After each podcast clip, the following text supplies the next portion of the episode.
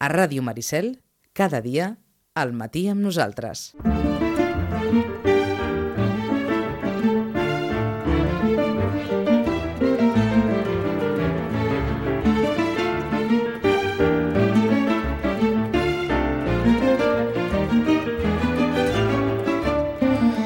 I 17 minuts. Arriba aquell moment de l'any en què acostumem a proposar-li a la Rosana un exercici prou difícil, com és el de fer-nos més o menys una, una petita llista de fílies, que no de fòbies, enmig de totes les edicions que s'han pogut fer al llarg d'aquest 2010 i que algunes d'elles han estat, doncs això, especialment conegudes, venudes, celebrades, ben vistes per la crítica, en fi, un 2010 que diríem que ha estat de, de bona collita literària, almenys en més d'una ocasió n'hem parlat de tot plegat amb, amb la Rosana i ara que estem a punt d'acabar aquest 2010 doncs valdrà la pena tornar-hi. Per tant, el nostre habitual temps dels llibres de cada 15 dies eh, portarà no només les recomanacions, sinó també aquella, aquella llista de llibres que, qui més qui menys, doncs n'ha sentit a parlar i que potser val la pena recordar ara que ve Nadal, ara que ve Reis i ara que ve temps en què es pot fer algun que altre obsequi. Saludem la Rosana Lluc. Rosana, bon dia, bona hora. Hola, molt bon dia. S'acaba aquest 2010 i si haguéssim de fer aquella pregunta periodística tan tòpica, ha estat un any de bona collita? Sí, for, força, força. Eh? I, i, ve, I ve un any carregadet, carregadet. O sigui, saps? Vull dir, perquè aquests dies també hem vist la programació dels tres primers mesos de l'any que ve i, i realment ve un, serà un any també molt carregat de molta novetat i de, de llibres que, vaja, se'n parlarà. Eh? Ah, o sigui que el Sant Jordi de l'any que ve serà un Sant Jordi de bona collita? Mm, sí, però recorda que no serà pas el dia de Sant Jordi perquè és dissabte. Sí. Eh? Vull dir, Eh, és dissabte... Sí, sí, sí, és dissabte de Glòria o Sant Jordi de l'any que ve. Sí, sí, sí. Què, sí. què es proposa fer, doncs, l'any que ve? De, de, De Sant dissabte Jordi. aquest? Sí. De moment encara no se sap. Tothom està a veure què, què, què podem fer, què podem fer, i em sembla que hi ha molt poca cosa a fer. O sigui, és a dir, canviar-ho sempre ens ha resultat... Eh, Malament. Malament, perquè jo recordo un any que es va canviar eh, a la Verge de Montserrat i també va, va ser fatal. fatal. Mhm. no, no, és que quan es canvien les coses de dia suposo que... No? Malament rai. Sant Jordi, Sí. Sant Jordi, caigui com caigui, eh? Exacte, sí, és una mica això. El que passa que hem d'acceptar que aquest any, vull dir, no? Vull dir, quan veiem que hi ha un pont i tothom marxa, quan veiem que hi ha un d'això i tothom marxa un cap de setmana, i a més a més Setmana Santa, doncs Sí, que sí. jo crec que la gent també tindrà moltes ganes, doncs això, de fugir, on te sigui, Mhm. muntanya, esquí, si és que encara n'hi ha, o sigui, no se sap, no? Però, de fet, eh, encara és una mica d'hora, s'estan proposant diverses fórmules, però, esclar, no, no hi ha res decidit, perquè suposo que això ho haurem de seure tots, no? editors, llibreters, i decidir exactament què es podria fer. I si no, resignar-se que toca com toca això? Exacte. Segurament. Segurament serà així. Però, Segurament clar, serà així, L'any eh? que ve ja veiem en què haurà també, no? L'any següent. Sí, sí.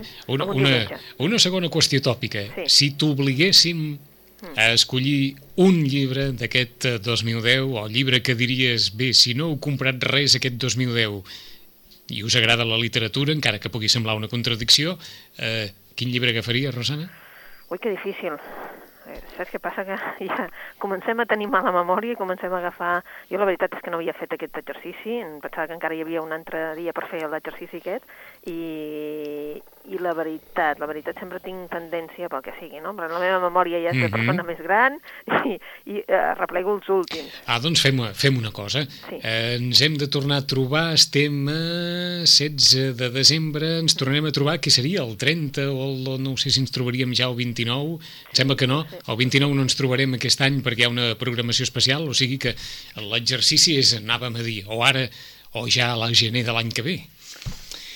Tu diguis, perquè encara, si és gener, serà abans de, Serà de abans, Reis? serà abans de Reis. Serà abans de Reis. Bueno, doncs si vols abans de Reis, Sí? fem abans de Reis. Doncs sí. abans de Reis et proposarem Perquè aquest, aquest exercici d'escollir-ne un. Ara, eh, t'ho posaria més fàcil si et diguéssim, home, Rosana, digue'm en dos o tres que t'hagin agradat especialment aquest Ah, any. això Llavors ja és més fàcil. Aleshores ja és més fàcil, eh? Ja és més fàcil, sí. A veure, un dos que m'ha agradat i que és, eh, bueno, que la veritat és que l'he disfrutat, és uh, la, la Inés i l'Alegria. Mm. Jo l'he disfrutat. He disfrutat també molt amb el John Irving, perquè és un John Irving també uh, molt diferent de registre de tot el que havia escrit també. I he disfrutat també amb l'últim Paul Auster, eh? Mhm. aquest que ha sortit ara fa poc, i em sembla que no sé si l'havíem comentat, el Sunset Park. Eh? Um, però, esclar, Low Life Kid Rage, de, que va ser Premi Pulitzer del 2009, i que aquest any els llibreters de Catalunya li van donar el, el Premi a, a la literatura, diguéssim, eh, el Premi Llibreter de Literatura Estrangera, perquè en la, aquest any havien decidit que se'n feien dos de premis, doncs la veritat és que també l'he disfrutat molt. Mm. Veus, ara t'ho hem posat més fàcil, sí, ara, eh? passa que, clar, ara començarien a sortir, sortir, sortir, eh? Això, sí. D'acord, però de cop i volta la Rosana li ha sortit Inés i l'alegria del Modena Grandes, eh? Aquesta, diguem-ne, aquest primer llibre del que ha de ser una obra magna Una obra magna, sí. de, del Modena Grande relacionada amb, amb, amb els anys de la postguerra, amb aquest, amb aquest període històric que torna a estar de moda. A Sí. totes bandes. A totes bandes, sí, la veritat és que sí. Eh? I un dels que, si no l'heu llegit, perquè és que, vull dir, és novetat encara, novetat, novetat, eh, amb molt bona traducció al català, la veritat, i, bueno, la castellana és la castellana perquè sempre ha estat eh, ben traduït el, el Paul Auster en castellà, perquè sempre ha tingut el mateix traductor, la veritat, doncs, és Sunset Park, Mm? de Paul Auster. No n'havíem parlat, és veritat, No eh? n'havíem parlat, és un autor que havia de venir a Barcelona i per culpa d'un bueno, d'aquestes coses que eh, ens agafen de pneumonies, Sí. etc etc, no ha pogut venir. Per un problema de salut, aquesta Exacte. presència tan esperada. Exacte, i la veritat és que és una d'aquelles obres que jo he disfrutat també. Eh? La veritat s'ha de dir que eh, segons quin àuster, eh, és un àuster però no és tan àuster, diguéssim. Sobretot eh, eh, amb això de no és tan àuster vull dir que no el disfrutes tant. Vull dir, de vegades els temes són com a molt durs i a més a més a part de durs són com a, no? Com a, Mhm. Eh, que sembla que s'hagi fet així com a molt de pressa o, o un final així com a bastant estrany. En aquest cas, eh, Sunset Park, des del primer començament, ell vol posar una sèrie de temes a dintre la novel·la i, la, i els posa des del moment econòmic que hi ha en aquests moments, des del el problema de, de joves de, de, de, de quasi 30, no? que estan amb aquest tema de que el seu sou no dona prou com Mhm. per, eh? Com per viure eh, sols, etc etc i han de compartir pisos, han de fer, en aquest cas, d'ocupes eh? d'una casa que, que estava abandonada, uh, temes com que com el tema de l'edició també surt aquí enmig, eh? d'un editor que està veient que la cosa li va magra, però en canvi doncs, que té uns autors eh? que l'han ajudat a pujar a l'editorial, eh? i aquest senyor també s'ha fet gran, i és el tema aquest de, de què passa quan hi ha editorials independents, que són independents vol dir també de, que hi ha una persona física darrere i aquesta persona es fa gran. No? D'acord. O sigui que hi ha una sèrie de temes, però en definitiva és la història de, del Miller, d'un noi uh, que vull dir, pocs, el 20, 20, 21, eh, marxa de casa, eh, deixa la carrera a mig, eh, per una història que ell ben bé no ha explicat. El seu germanastre ha mort, però era un germanastre que havien posat, posat com aquell que diu, junts, però sempre ha sigut molt diferent amb ell. Ha mort, ell se sent totalment culpable, uh, però evidentment no ho ha explicat a casa, i ell marxa, perquè sent una conversa del, dels seus pares, de, i llavors marxa. Mhm. Uh, marxa, uh, el trobem fent unes fotografies d'objectes de cases que han hagut de sortir, uh, que estan embargades i per tant pertanyen al banc i doncs ell forma part de la quadrilla de gent que va a treure totes les coses perquè aquella casa es pugui tornar a vendre. Entesos. Eh? Uf. És a dir, que déu nhi però ell en comptes de, de robar diguéssim, coses, és a dir, apropiar-se d'aquestes coses que passen a ser del banc, etc, etc, el que fa és retratar-les per donar-los una segona vida. Mm? Retratar-les, fer-les, fer-los fotos. És a dir, que trobem un noi eh, molt especial, un noi que un bon dia, llegint una novel·la que li ha regalat el seu pare, eh?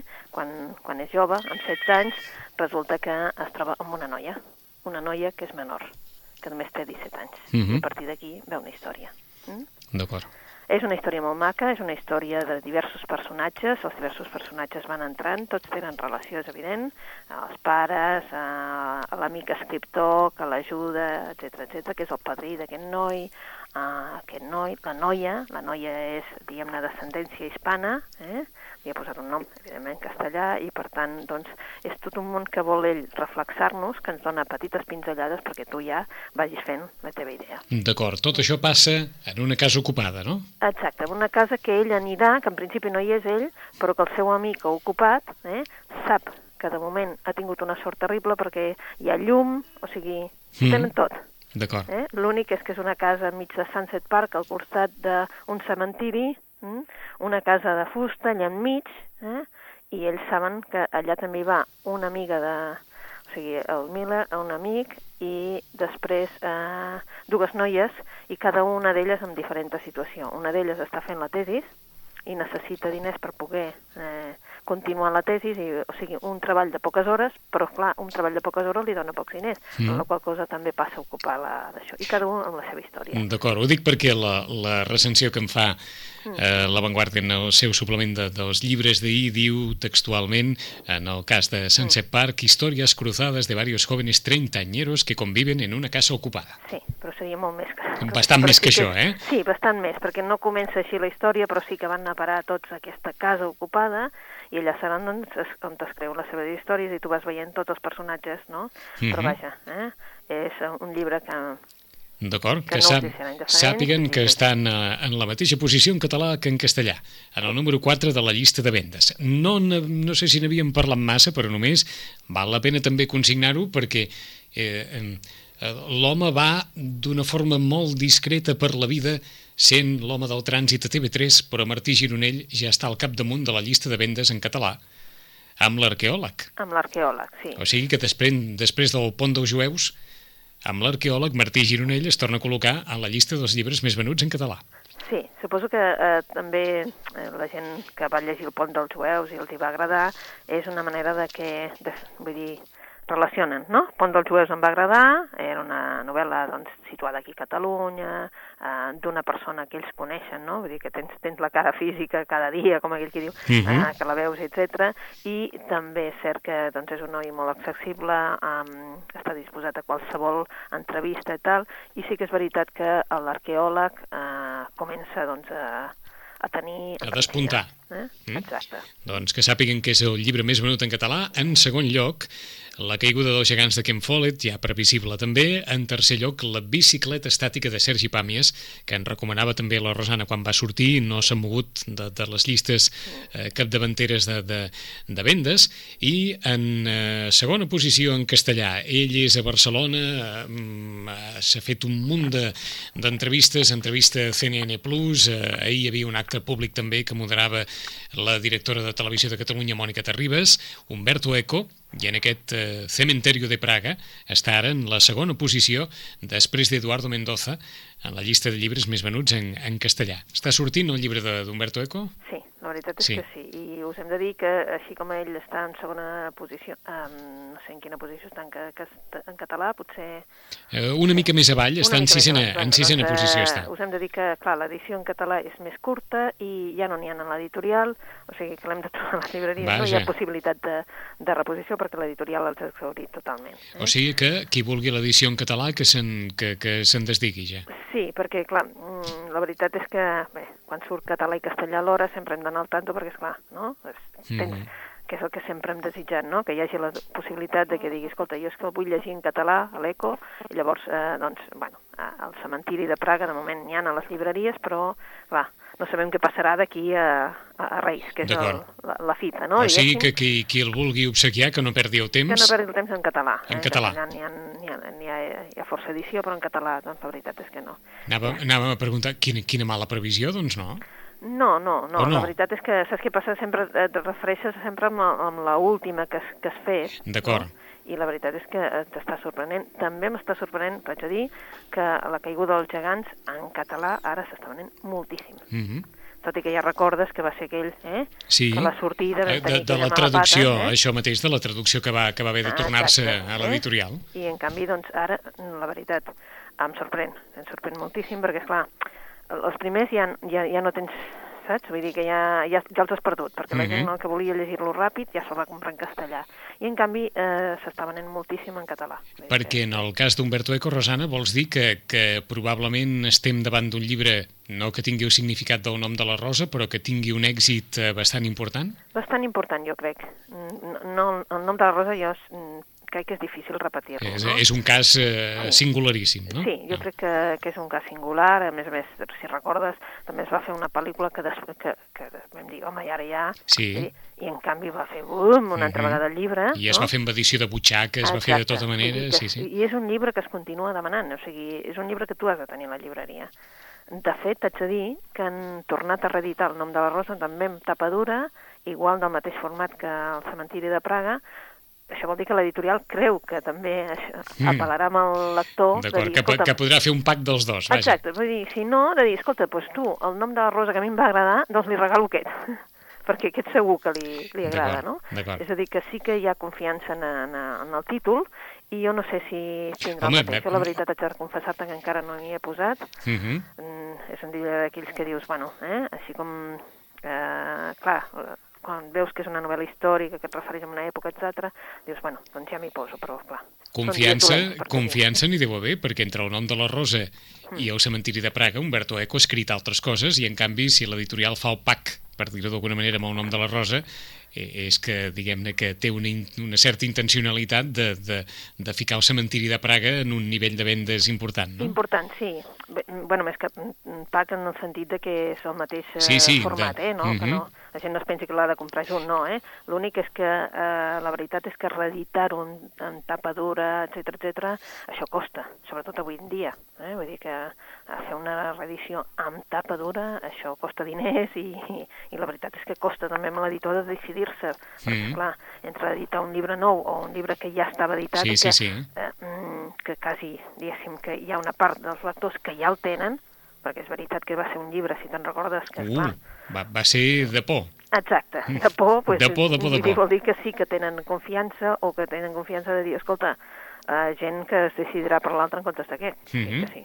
S'està venint molt bé també El sueño del Celta, de Mario Vargas Llosa, ho vam dir en el seu Com a dia, Nobel, sí. i eh, Rinya de gatos d'Eduardo Mendoza s'està venint enormement bé també, Sí. com ja ens havies comentat, que era una història com per vendre's i, i un Sí. llibre molt recomanable també. Sí, i a més, si recordes ja, tu mateix ja vas comentar que és, clar, és un Mendoza i el Mendoza, Sí. no?, sempre apela a un, no sé, una sèrie de lectors que diuen, escolta'm, com a mínim sé que, que m'agrada la seva literatura. Mm -hmm. eh, ens queda només en el- en, en l'àmbit de, la, de la novel·la, havíem parlat del llibre de Carmen Posadas, Invitació a un assassinato, diria que no. No? No, bueno. no o almenys jo no ho recordo. Doncs, bueno, és una, és una novel·la d'aquelles d'intriga que ens, que ens fa la, la Carmen Posades i el plantejament és així com a bastant senzill, el plantejament, eh? Vull dir, Mhm. senzill en el sentit que tu ja de seguida saps de què va, això. Una, una, un plantejament semblant, no diré que els deu negrets, però, però, Però, eh? Però, però, però eh? hi, té una, hi té una tirada. Eh? té una tirada, sí, sí, Eh, una senyora que està acostumada a un ritme de vida, que, mm, que no és el primer marit del que es divorcia, que mm, ara es veu que de l'últim que s'ha divorciat no podrà treure diners perquè no en té, està d'això, i que, en definitiva, eh, com si estigués així, mm, mm, avorrida de tot, una mica, doncs convida amb una sèrie de convidats, o sigui, en total vuit persones, els convida a, a, en un valer, mm, per fer un creuer i en definitiva eh, el que està provocant és, eh, és a dir, que ja té tot planificat la seva pròpia mort. Llavors, clar, cada un dels personatges tindrà els seus motius eh, per haver-la matat, és evident, Mhm. però en tot això hi ha la seva germana que eh, està buscant què ha passat i què vol, o sigui, i busca, va darrere les pistes de dir, bueno, a veure, quin motiu tenia cada un d'ells per realment, doncs, matar-la. Mm? Eh, perquè ella ha deixat una sèrie de pistes i llavors les ha de, les ha de seguir. És una novel·la entretinguda, eh? una novel·la com ens té acostumats la Carmen Posades, que és una novel·la aquella que seus i, i te la menges Sí. en, en, una bona, en una estona, i la veritat és que és aquelles novel·les que jo crec que també, malgrat que estan al 10, eh, s'ha anat venent i es vendrà també. D'acord. Creus que per aquestes festes és una d'aquelles novel·les que pot anar sortint? Sí, sí, és d'aquelles novel·les que t'asseus i dius, ah, mira, entretinguda, Mhm. saps? És d'aquelles entretingudes. Eh? I en l'àmbit de- d'assaig de, no ficció, doncs coses molt diverses. Ens ha cridat l'atenció el llibre de Mario Conde, que s'està venent també enormement. En, en castellà s'està venent també molt bé Espanya, capital, París, Molt bé, sí. de Germà Bel, que diguem-ne que el títol ja eh, és prou explícit sobre el significat del llibre, eh, eh, diguem-ne el recorregut, segons ens diu la, la recensió, per tres segles de la història de Madrid, que ha passat de ser seu cortesana a capital total, o sigui que aquesta reflexió sobre el, el centralisme eh, és present en el llibre de, de Germà Bel, i ens crida l'atenció també, perquè la darrera, eh, la darrera encíclica de, del papa, aquesta Llum del món, està situada en el número 5 de vendes en, en castellà. Sí, a mi també em crida l'atenció, però és cert, eh? És cert. Sí, és cert, vull dir, sí. S'està venent l'edició castellana i catalana. O sigui, Home. el que passa que potser no, no surt en català, potser, però... No, en català no apareix, eh? Bueno, doncs però també s'està venent, el que passa que, clar, vull dir, en castellà potser... Eh, no sé, també és eh, d'una certa edat que, que compren el llibre, potser Mhm. també estan més acostumats al castellà que no pas al català per llegir-lo. Sí. Eh? I això és cert, vull dir, és un llibre que suposo que des de que ha vingut el papa aquí tothom et diu, no, no, de quan... i tu dius, escolti, és que això no té res a veure amb... Vull dir que és una... és el que... Sí, sí, que és una reflexió... És una reflexió, eh? Vull dir, reflexió sobre l'Iglésia, no res a veure amb el que, que pogués dir aquí ara, Mhm. eh?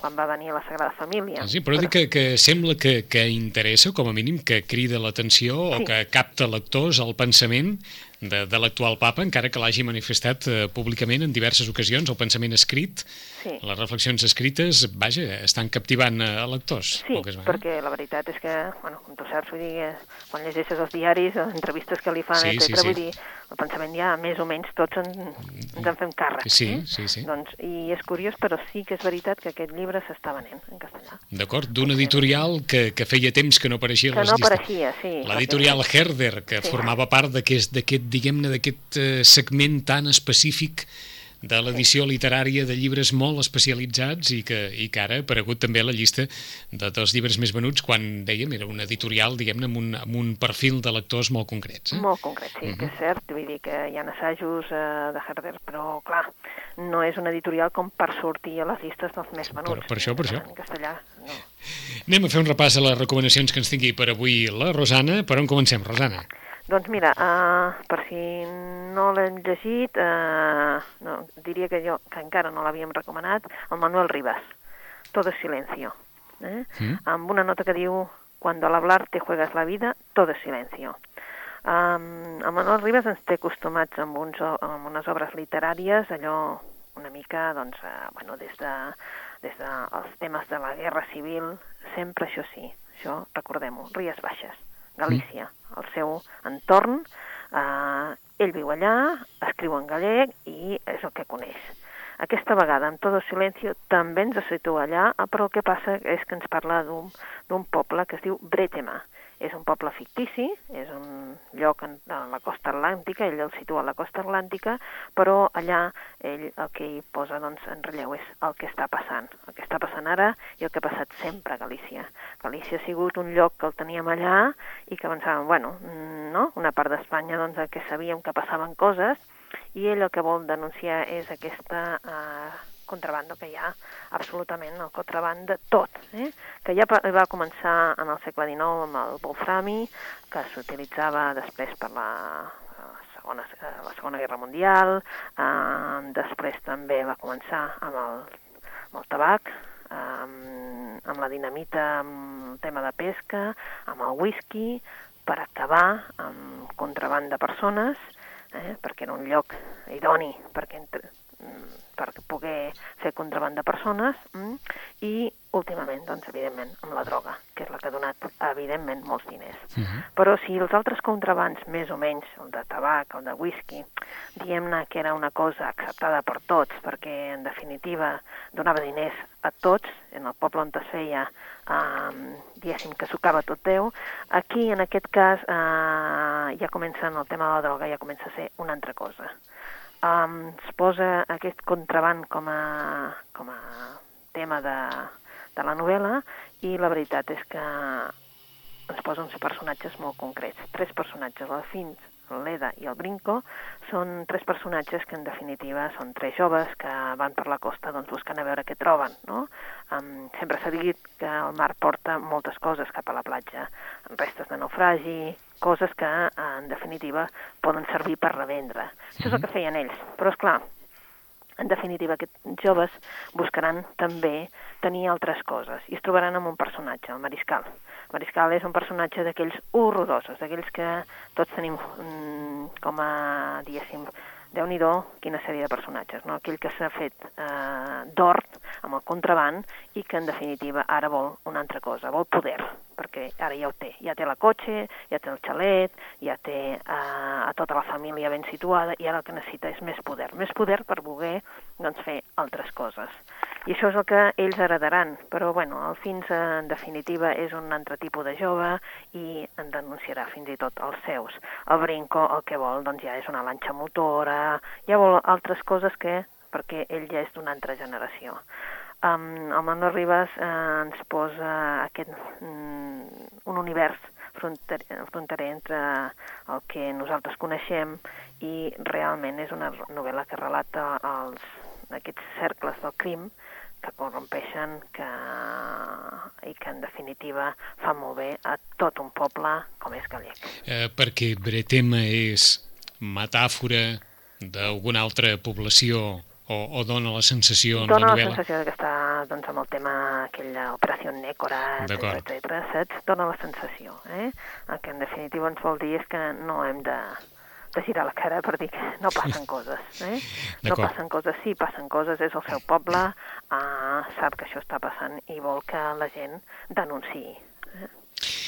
Eh? Todo silencio, todo silencio cuando, Ribas, eh? cuando al hablar te juegas la vida, aquest és el subtítol de l'obra de Manuel Ribas, centrada, com dèiem, en aquesta realitat gallega i sobretot en el, en el món del contraband de droga, sí. a partir d'un esbós històric d'una terra en què, òbviament, per la seva situació... Sí, és una novel·la també dir, mm, mm, ràpida, eh? vull dir, es llegeix ràpid, no és d'aquelles novel·les, saps, que, que ell feia el seu univers, etc com ens tenia acostumat a Obabacoac, no, aquí és una novel·la ràpida ràpida perquè està tam també parlant d'un tema en el que s'ha d'anar molt ràpid, és un vist i no vist. Eh? Uh mhm. -huh. Per tant, la novel·la és igual. Eh? D'acord, novel·la curta, per tant, ràpida de llegir, Todo silencio de Manuel Ribas. Segona recomanació.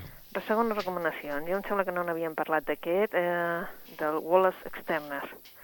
Uh, Wallace Externer és un autor, mm, bueno, era, vaja, un autor um, uh, americà, i la veritat és que nosaltres la vam llegir eh, en un lugar seguro, que em sembla que la vam recomanar fa molt de temps.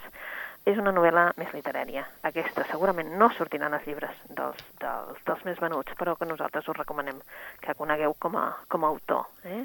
En un lugar seguro ell ens presentava el tema de dues parelles joves mm, eh, que anaven com a professors universitaris i era la seva ascensió, però també la seva amistat que durarà tota una vida. Eh? En aquest cas, el Wallace Externa ens parla de eh, es diu El pájaro espectador. Està publicat per Libros de l'Asteroide, ho dic perquè així ja la gent mm -hmm. se situa quin tipus de literatura pot ser, i ens parla d'un senyor, del Joe Alston. El Joe Alston és un home que està jubilat, eh? que eh, quan era jove tenia ànsies d'escriure i ja va veure que el seu no era l'escriptura, però sí representar a altres que escrivien i que ho feien bé, i per tant es va convertir en un agent literari. Ara aquest senyor ja viu retirat a Califòrnia i no sap què fer ben bé del seu temps.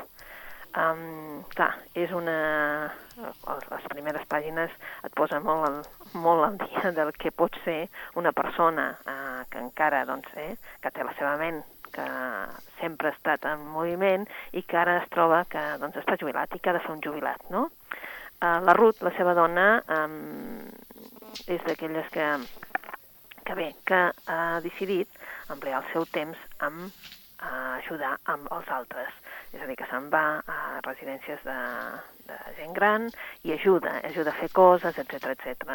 El seu home no entén com està ajudant, per exemple, a gent que d'aquí poc ells dos també ho seran. No tenen fills, no tenen, no tenen descendència i el seu món, eh, com ells mateixos, està desapareixent. Desapareixen els veïns d'això per, per altres circumstàncies i, clar, mm, la seva dona el que veu és que ell se n'està anant. No vol que caigui en una depressió i li diu que comenci una altra vegada a escriure amb aquells diaris que tenia de quan era jove. Vaja. Eh? En definitiva, la, arriba una postal d'una amiga i aquesta amiga, eh, eh, això l'obliga amb ell a buscar aquests diaris i és quan la dona li diu, escolta'm, reviu aquella situació de que vam viure, mm, com a mínim, no sé si eren 20 anys enrere. Eh? Això és gairebé una fotografia de la bellesa i de, de les circumstàncies que poden viure. Ho és, Ho és. ho és, eh?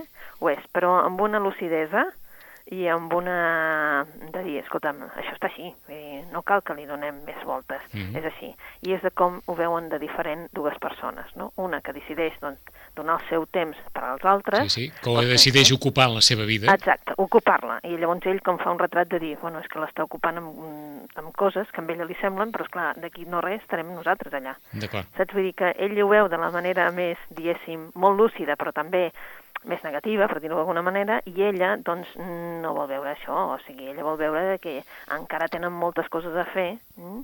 el que passa que, clar, mm, el que li convenç la Ruth és a dir, escolta'm, llegeix-me un fragment d'aquell diari que, que vam anar a un viatge fa no sé quan, i què passa amb això? Que al llegir, anar llegint i anar revivint aquells... Eh, nosaltres coneixem què va passar quan en, Mm. eh? i també una relació especial amb una aristòcrata danesa, eh? i que aquesta senyora va ser anfitriona d'ells a Copenhague, i aquesta, el record d'aquesta època doncs, desperta tota una sèrie de sentiments i tota una sèrie de preguntes hm, que no s'havien fet de l'una a l'altra, no? perquè, doncs bé, la convivència, dius, bueno, doncs oblidem-ho, oblidem-ho, oblidem i ara surten. Eh? Llavors el que passa és que els obliga a reflexionar doncs, sobre temes de les vides de cadascú. No? És una reflexió, eh? però és una reflexió com a... Saps allò que les frases estan tan ben construïdes, eh, les situacions estan tan ben pensades, que dius, uh, és una novel·la que nosaltres us recomanem. No? Una revisió del passat, per dir-ho Sí. així, de la vida a través de la circumstància d'un matrimoni ja jubilat que no veu de la mateixa manera la seva vida actual, eh, la dona, que l'home.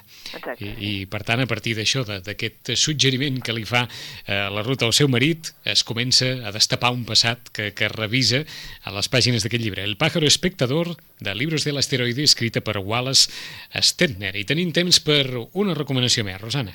Doncs, bueno, no sé, hi ha una obra que potser ha passat una mica desapercebuda, que és la del Juan José Millás. Eh?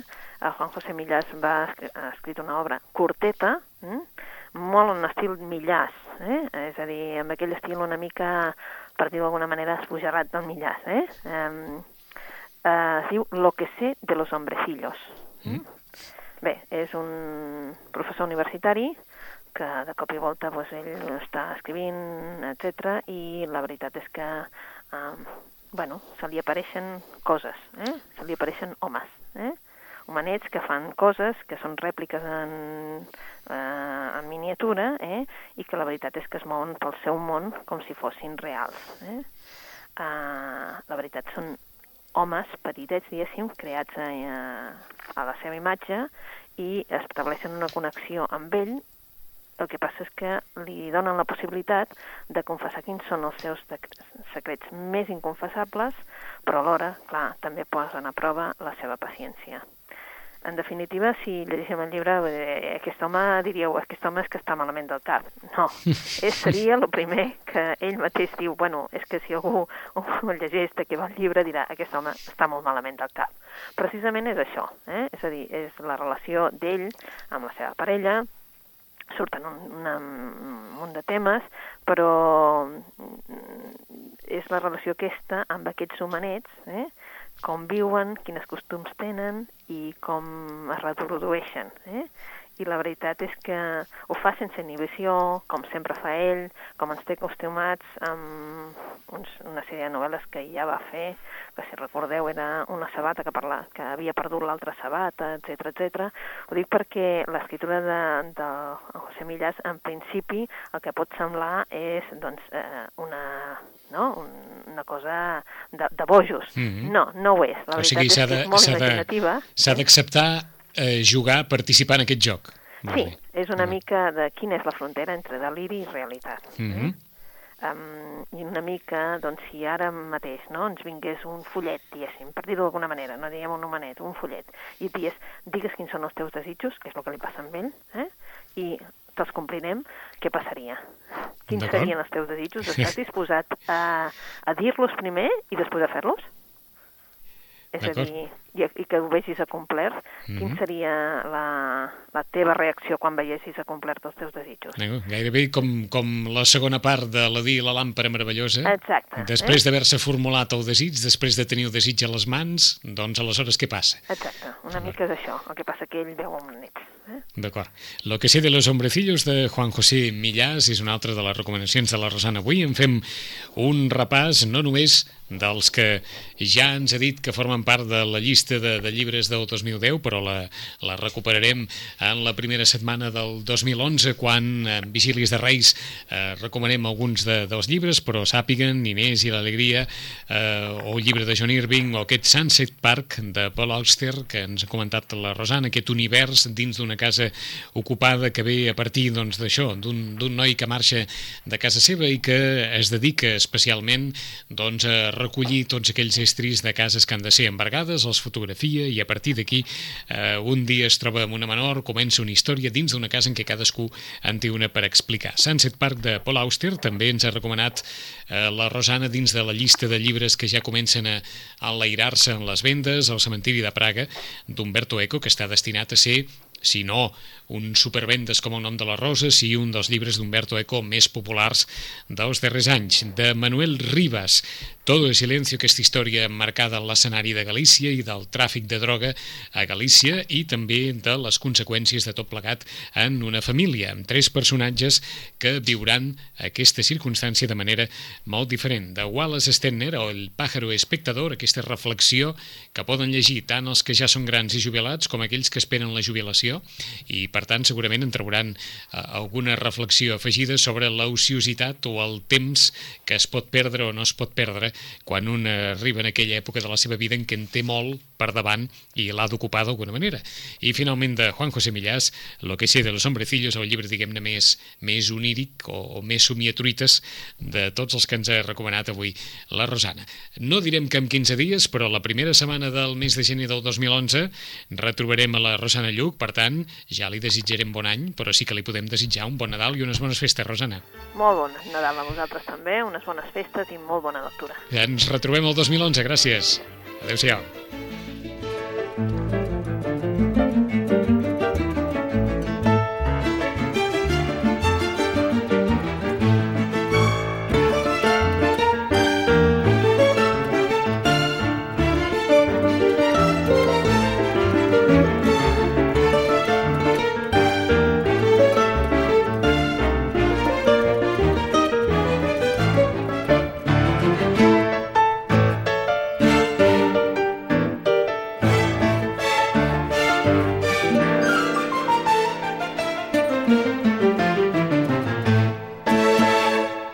Ràdio Maricel, 107.8 FM.